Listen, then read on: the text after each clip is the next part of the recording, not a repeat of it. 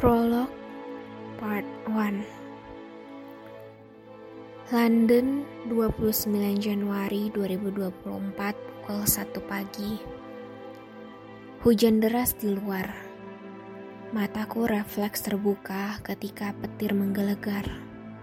Lalu kilat menyilaukan pandangan Yang kemudian diiringi oleh suara petir Dengan jeda kurang dari satu detik.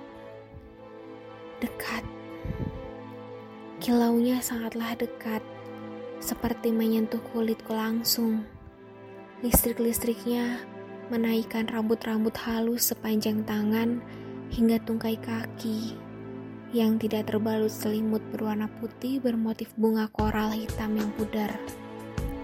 Ya, petir itu tidak jauh.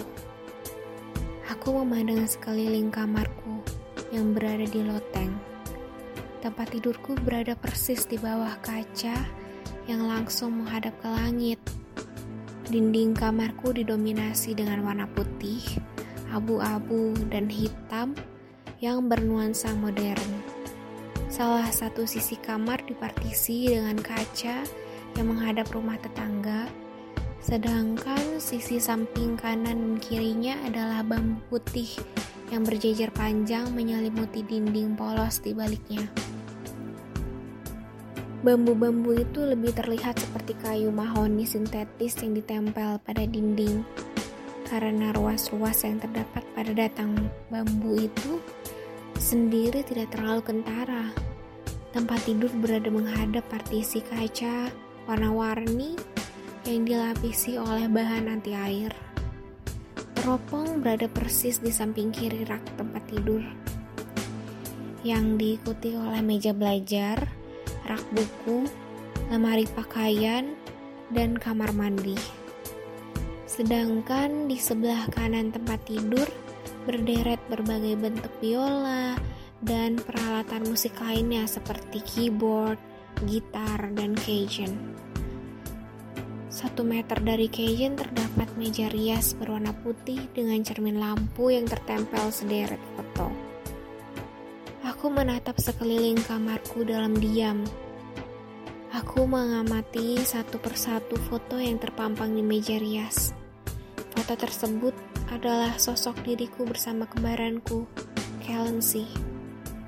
Di dalam foto tersebut, Kalensi tampak memiliki warna kulit yang lebih cerah, memiliki senyum yang lebih lebar, dan tampak lebih ceria dibandingkan denganku. Kami berada di salah satu daerah di New Zealand dengan pemandangan gunung berlapis salju di atasnya.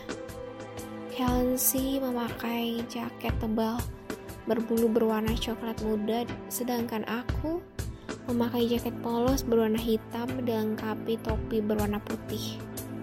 Foto di sebelahnya adalah foto keluargaku. Kami semua memakai setelan baju putih yang seragam Semuanya terlihat sedang tertawa, memperlihatkan gigi dengan di belakangnya terlihat menara Eiffel pada sore hari.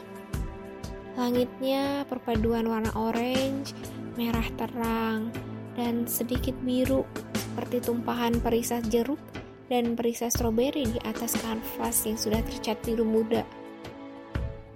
Aku kembali melihat ke foto pertama, fotoku dan Kalensi. Foto tersebut diambil sekitar satu bulan yang lalu, sebelum semua kekacauan ini bermula. Aku tidak kuat lagi. Badanku terguncang, nafasku menderu. Aku bisa merasakan detak jantungku yang serasa ingin berteriak, meneriakkan ketakutan dan kecemasan yang ada di otakku. Badanku menggigil. Aku menarik selimut kotak-kotak yang terlihat rapih di bagian ujung tempat tidur. Wangi selimut semakin membuatku bergetar, mataku perih. Sudah satu bulan lamanya, ketika kelopak mataku tertutup untuk mulai tidur, aku masih bisa melihat. Tidak ada gunanya aku menutup mataku. Aku tidak bisa tidur. Sudah satu bulan aku tidak tidur. Satu hal lagi yang membuat kekacauan ini semakin kacau. Kalensi hilang.